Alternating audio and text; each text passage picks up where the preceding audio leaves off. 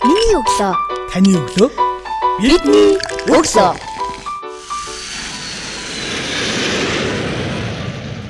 Сонсогч та бүхэндээ өглөөний мэндийг хүргэе. Өнөөдрийн өглөөний зочноор Монгол улсын соёлын гай зүтгэлтэн нэрт нэвтрүүлэгч Доржийн Бэлгээ оролцож байна. Танд бас радиогийн түүхтэй 85 жилийн мэндийг хүргэе. За баярлалаа. Би ч бас радиогийн залуу хойч үе сэтгүүлч уран бүтээлчдээ бас ойн баярын мэндийг хүргье. Тэгэхээр хоёулаа яриагаа таныг радиод орсон тэр цаг хугацаанаас эхлэе гэж бодож байна. Тэгээ хамгийн гол нь радиогийн өглөөний эфир хүмүүсийг сэрээдэг ч үгүй. Тэгэхээр яг энэ өглөө болон Монгол Улсын нийслэл Улаанбаатараас ирж гин гэж энэхүү яриа бол таны дуу болгоор олон сонсогчдын олон олон одоо ээж аавуудын залуучуудын зүрх сэтгэлд бол хоногссон шүү дээ. Тэгэхээр энэ тухай хоёлаа ярилцъя. За тэгэхээр би 1968 онд Монголын радиод одоо нэлээд олон хүмүүс шалгуулж 150-аад хүн шалгуулад тэгээ тэндээс 2 хүн үлдэж үлдээж авсны нэгэнд би орсон. Тэр цагаас хойш одоо 50 гаруй жил болжээ. Олон жил сонсогч төмөнтэйгээ мэдчилж орой бас одоо баяртай гэж тайван сайхан амархыг өрөөж ингэж ажиллаж ирлээ. Тэгэхээр яг нь ер нь бол Монголын радио гэдэг бол анх одоо телевиз радио энэ олон FM байхгүй байхад Монголын радио бол маш хүн бүхэн одоо хаач байсан сонсдог тийм байлаа л да. Ер нь бол одоо ч сонсож байгаа л да. Тэгэхдээ Монголын радио бол хүнд хамгийн сонсогчдод хамгийн хүртээмжтэй мэдээллийн хэрэгсэл. Хүн бүхэн тэрнээс одоо хүүхэд ч гэсэн одоо өвлөгөр домог сонсохоос гэсүүлээд хүн бүхэн одоо янз бүрийн мэдээллийг авдаг.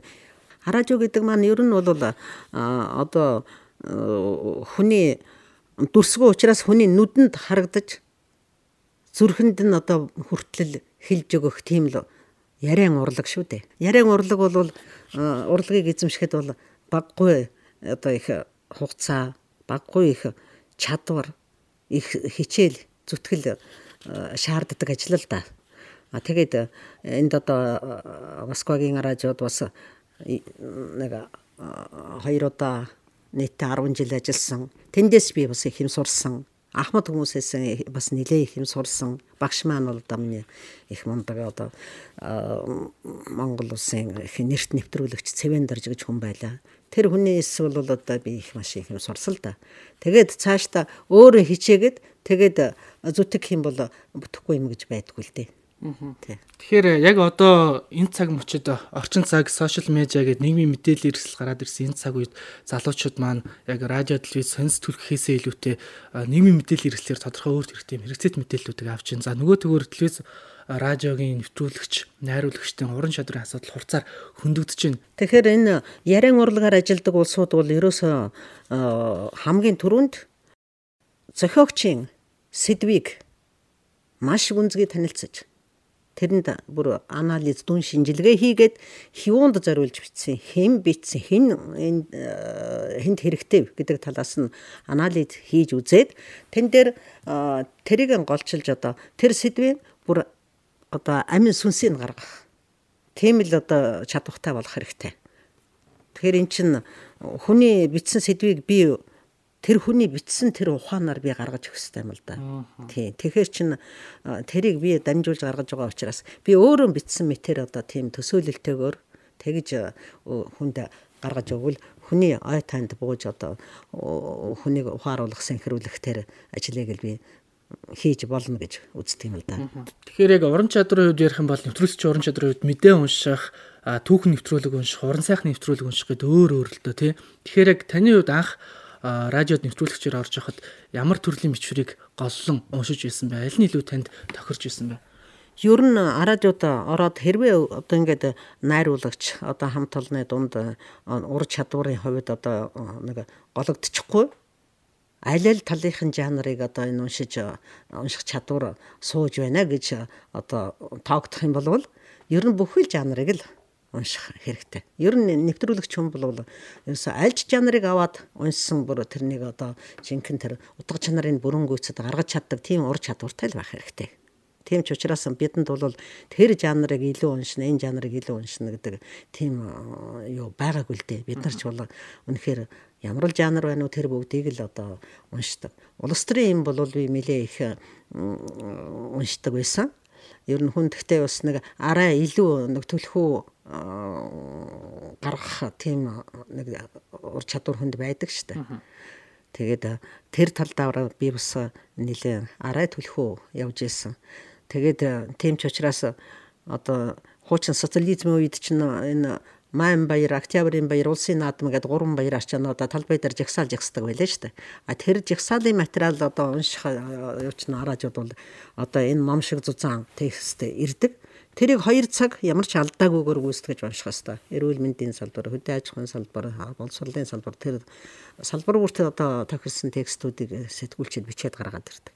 Тийм имийг одоо түүртэхгүй нэг тийм хүнд одоо ойлгомжтой тэгж гүйцэтгэхийн тулд их ур чадвар өөрийгөө л хамгийн түрүүнд ирнэхэд айчилж өөрөө өөрийгөө өөртөө ажиллах өөрийгөө боловсруулах тийм ажил бол ер нь өөртөө шаардлагатай байдаг юм да.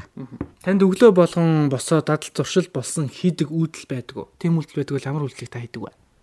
Би өглөө болгон босоод ер нь яг би орондоо одоо хэвдэж байхаас өсвөлээд энэ жахан басгал масгалч хийдэг юм уу те өөрийгөө сэрэх ялангуяа ер нь тэгээ боссон ханаач гэсэн бас хоолоо хамаа сэрэх ягаад гэвэл хүн унтаад усны дараагаар хүний хоол ам бүх эд эсрэгтэн чинь одоо унтаа байгаа штэ.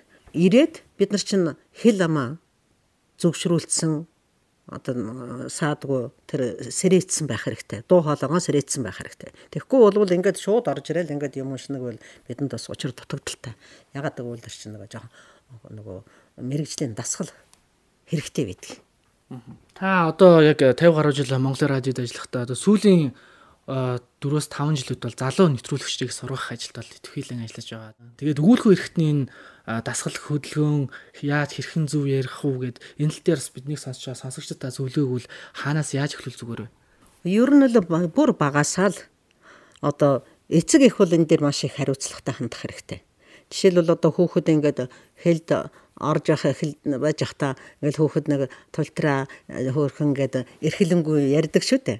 Тэрийг дагуулад өө тийм юм ёо гэж юм гал одоо ингээд нэг э, өөртөө адилхан яриад ундаг ш. Энэ их буруу юм байна. Ерөөсөө яг буруу хэлж байгааг засаад яриад ингээд өөртөө нь бүр том хүнтэй ярьж байгаа юм шиг өөрийн хүндэтгээд тэгээд тэр буруу хэлж байгааг дандаа засаж хянаж явах хэрэгтэй эцэг эхчүүд. Тэгэхгүйгээс одоогийн энэ залуучууд ялангуяа охтууд их хагас дутуу ярьдаг болчих. Үгсгийг их сольдог болчих. Мессежний хэлээр ярьдаг болчих Энэ бол одоо харамсалтай л да. Тэгээ хурцрээд энэ сургуультанд суухаар бол нөгөө хүүхдүүд чинь өсөг авиануудыг буруу дууддаг. Хольж сольж дууддаг. Энэ бол одоо эн чинь хэрвээ хөтлөгч өвгөн урлагаар ажиллая гэж байгаа бол эн чинь Монгол хүн чинь төв халахын аялгаугаар одоо тэр яриан урлагаар ажиллах гэж байгаа юм шүү дээ төв халахын аялгаугаар их цэвэр цэмцгэр зөв ярьдаг байх хэрэгтэй. Яагаад зөв ярьж байх юм гэхээр эн чинь хойч хойч үедээ маш их нөлөөтэй ажил. Ягаад гэхээр хэвлэл мэдээллийн энэ сонины чиглэлийн үг хэллэг яриа байна дээ. Хүний сэтгэл зүйд маш их нөлөөлдөг. Чин би буруу яриад байдаг нэг хөтлөгч байх юм бол миний үгийг хойч үе маань ингээд яг дуурайгаад яриа сурч шүү дээ. А тэр хүний сэтгэл зүйд нөлөөсөн нөлөө нийгэмд бас их нөлөө өгдөг. Тийм учраас ерөөсөө залуусууд бол анханасаа их зөв ярьж сурах хэрэгтэй. Эцэг эхчүүд тэн дээр багаас нь их анхаарах хэрэгтэй. Та нэвтрүүлж чинь хуурч чадах хэвээр ямар ч төрөл жанрын нэвтрүүлгийг бол уншиж байж найруулагчтай тоогдно гэж ярьлаа шүү дээ. Тэгэхээр яг одоо радио сонсож байгаа хүүхэд багчуудаа, залуучуудаа зориулаад таас нэг тийм хэдхэн элемент үзүүлвэл яаж вэ? Тэгээ нэг анчин хүү ариун гоо бүсгүй гэдэг үлгэр байна л да. Эртээ нэгэн цагт анчин хүү амьдарч байж л ариун гоо нэртэй бүсгүй дүгүрэг саран шиг тунгалаг төмөн зүйлийн цэцэг шиг сайхан гинэ. Нэг өдөр тэр улсын хаан анд явж байгаад морин услахаар худгийн дэргэд буутал найгах замдан шиг бийтэй. Нар сар шиг гэгэм бүсгүй устатаа зогсож байлаа гин. Хаантан гайхалтайгаар зогдсон нүдэндээ ч итгэж чадахгүй дахин дахин ширтлээ гинэ.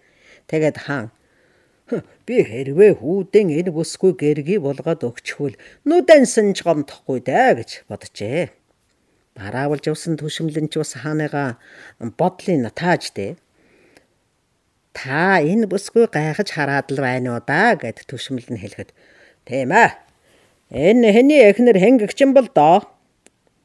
Аа энэ бол сул ард анчин хүүгийн ариун гуа гэдэг эмэргэн авгаа байна. Хаан ордондоо очиж энэ тухай хүүдэн дуулгаж гин.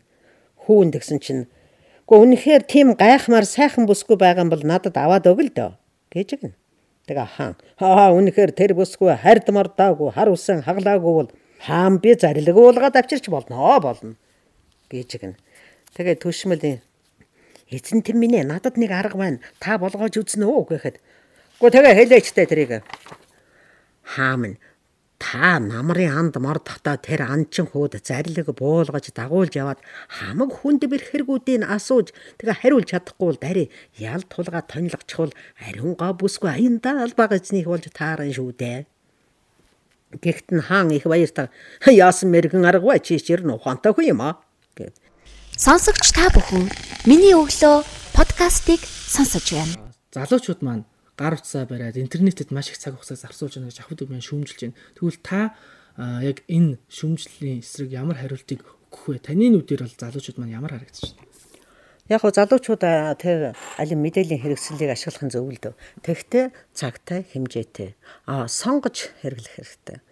Аль болохоор эерэг одоо ер нь тэгтээ нэг муу талыг нь одоо илүү төлхөө харж хаа тэрийг цааш нь одоо их хөгжүүлээл одоо өрнүүлээд яриад тахтаа биш дүгнэлт хийх хэрэгтэй.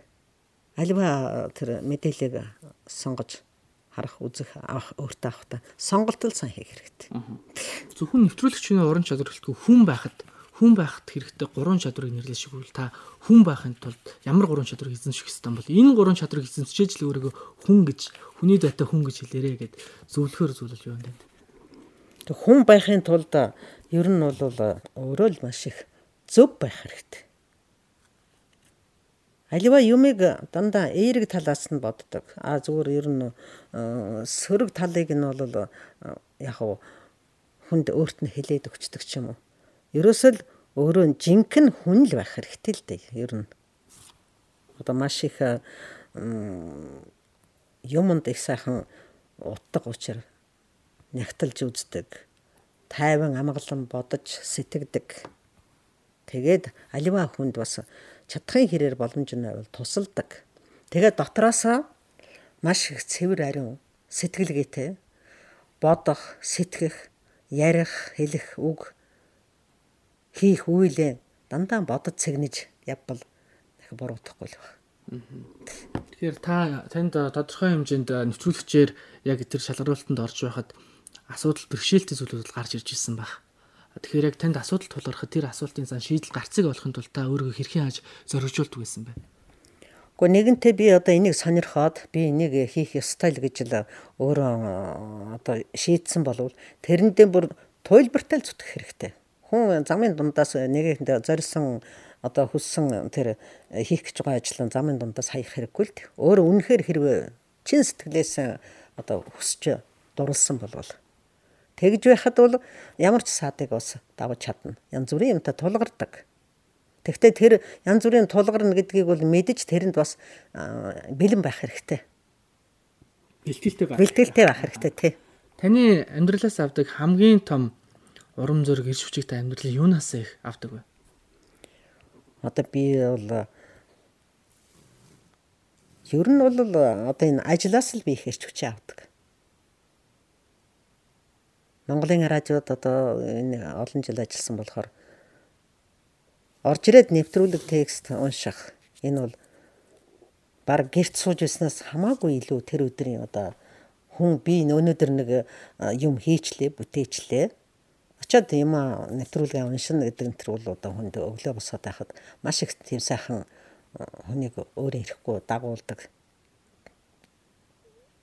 Сайн юм руу, сайхан юм руу дагуулдаг. Өдөрт ингээд би хөчнөө олон янзын текст уншин штэ.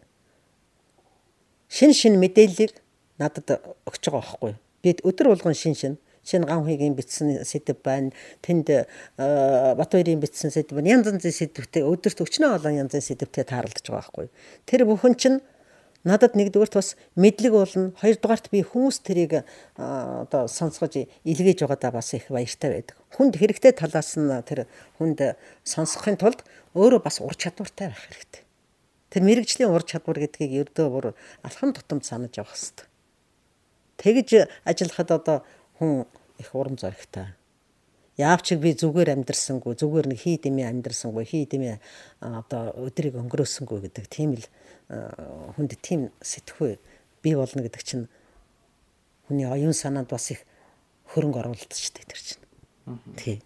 Яг унших тусмаа тэр уншиж байгаа ихээсээ давхар мэдээллийг хамгийн түрүүнд аваад хоёрдогч их сурулж болох олон төмөр бол өөрийнхөө доолгоор хүргэж байгаа гэдэг бол ерөөсөө өөрөө өдөр тутамд маш их олон янзын мэдээлэл авч байгаа байхгүй. Тэрнээс чинь өөрт надад үлдэж байгаа юм зөндөө биш шүү дээ.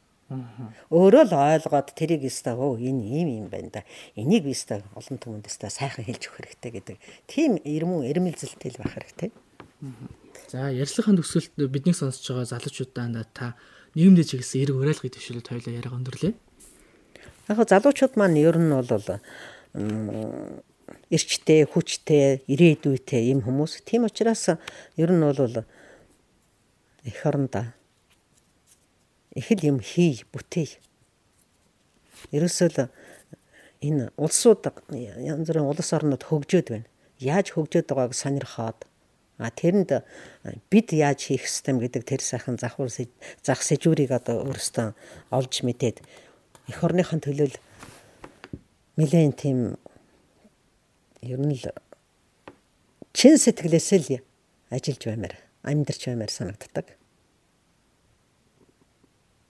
Ер нь бол залуу хүмүүс амьдралд маш их идэвхтэй, эрэл хийлэлтэй тийм л байх хэрэгтэй л дээ л гэж би боддог. За маш их баярлалаа. Нэвтрүүлгийн маань урилгыг хүлээж авч бидэнд ярилцлага өгсөн танд маш их баярлалаа. Цаашдаа ажил амьдралд нь өндрөөс өндөр амжилт хүсье. За баярлалаа. Та бүхэн уран бүтээлч залуучууд та нарт ч гэсэн цаашдын амьдрал уран бүтээлд их амжилт, аз жаргал, эрүүлэг бүгдийг хүсье.